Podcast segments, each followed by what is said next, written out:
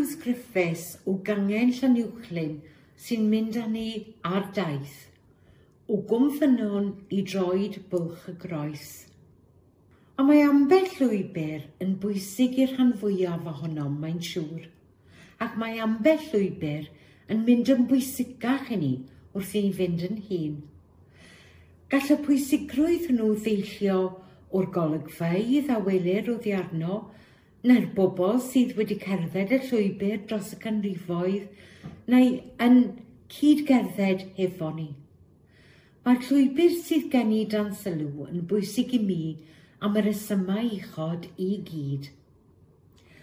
Llwybr ydy hwn o gwmffynon yng nghwm Cynllwyd, Llanuwchlyn, Drosfwlch, Sirddin, i lawr at Lanaethant, a gweilod bwlch y groes yn Llanymawddwy. Yn blentyn 11 oed mae'n debyg y cerddau sy'r llwybr gyntaf, a hynny hefo mam am chwaer meinir. Er nad wyf yn cofio llawer am y daith ei hun erbyn heddiw, fe gofnodais y profiad ar ffurf ysgrif. Ond beth am y daith ei hun? Anodd yw cyfleu y pel cwmffynon i unrhyw un na fi yno, Os ydy unigedd, mynyddoedd, dŵr a thywelwch yn apelio, anodd iawn y fyddai ei giro. Rwy'n cofio un o ferched cynllwyd ddweud un tro mae dim ond tri pheth oedd i'w glywed yno, a tri yn cychwyn efo dy. Dŵr, derin a dafad. Yn y tywelwch sydd yma ar ddwyrnod braf, Mae'n anodd meddwl am yr arswyd y grewyd yma yn ystod haf 1926 pan gododd yr afon sy'n llifo gerllaw a rhithro drwy'r tŷ. Ond ymlaen â ni gan ddilyn y llwybr sy'n anelu at oledd a draws y llechwedd i gyfeiriad bwlch Syrddin. Byddai'n hawdd i chi feddwl fod defaid ym mhobman ar hyd y mynydd, ond o graffu'n fanylach, cerig gwynion sydd yma yn britho tir. Cymaint ohonynt mewn gwirionedd fod trigolion cymffynon wedi codi beidi cyfan ohonynt flynyddoedd maith yn ôl, beidu ros a chorlan hefyd wrth godi'n rhaddol am fwlch Syrddin, daw cwm di i'r amlwg. Padell o gwm yw hwn a'i greigion dion syrthiog yn wahanol iawn i liw creigiau ar ran benllyn sy'n codi'n fur glas y tu ôl i ni.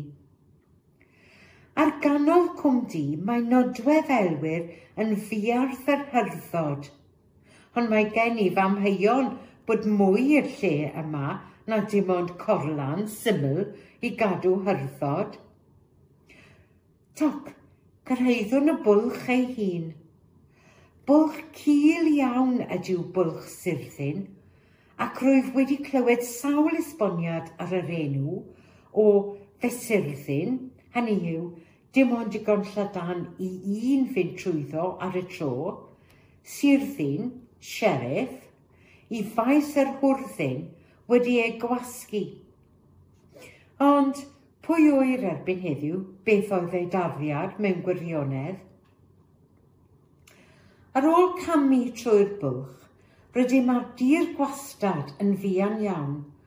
Dymes greiriau gwynion, yr enw'n deillio o'r holl gerig gwynion mae'n siŵr. Yma mae'r mawn wedi ei erydu gan greu twmpathau a chalofnau trawiadol. Pen gerddais i'r ffordd hon y tro cyntaf, roedd yn rhaid dilyn llwybr cil fel llwybr defaid bob cam.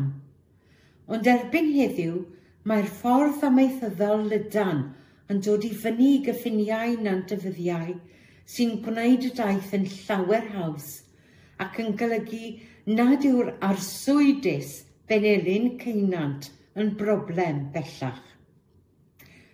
Pan oedd fy mhrawd am dwy chwaer yn ifanc iawn, arferent gerdded y ffordd hon o'n cartref yn Nant y Barcud i'r pennant yn llan y mawddwy, lle roi taid yn byw. Soniau Jane fy chwaer am yr arswyd o ddarni y byddai ei ches yn syrthio'r nant yn y fan hon gan fod y llwybr mor gil a'r disgyniad i lawr i geinant y brythell, mor serth. Ond ymlaen â ni, ac yn fuan iawn, mae dyffryn lleithnant yn agor o'n pleinau. Ar ben uchaf y cwm yma, cwyd aran fawddwy yn syth o greiglyn dyfu, tarddiad afon dyfu, a dyna yw lleithnant mewn gwirionedd, y ddyfu ifanc yn cychwyn ar ei thaith am y môr. Mae hwn yn gwm llawn o drafodiadau a chwedlau am tydecho sant, nawsant eglwys Llanymawddwy. A dweud y gwir, mae'r traddodiad yn mynd mae tydecho a bedyddiodd yr afon yn fan hon yn lleithnant pan gollodd ei forwn ei llaeth i'r nant rhyw dro.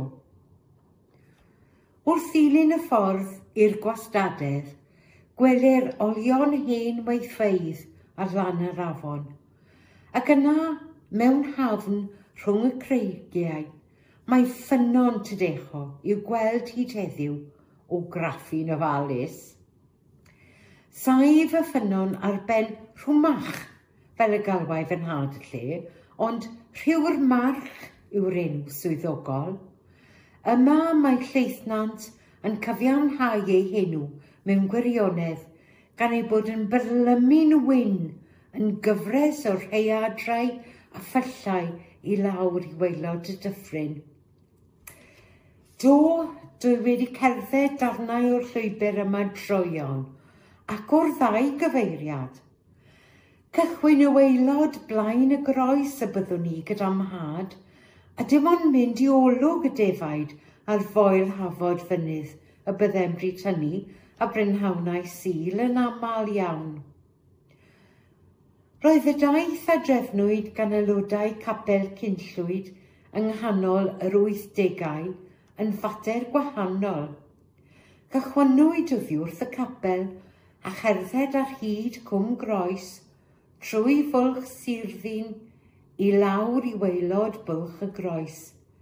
Ac yna, pan oedd traed rhywun gweithi am drygaredd, dros y bwch, ar hyd cwminion ac yn ôl i'r capel.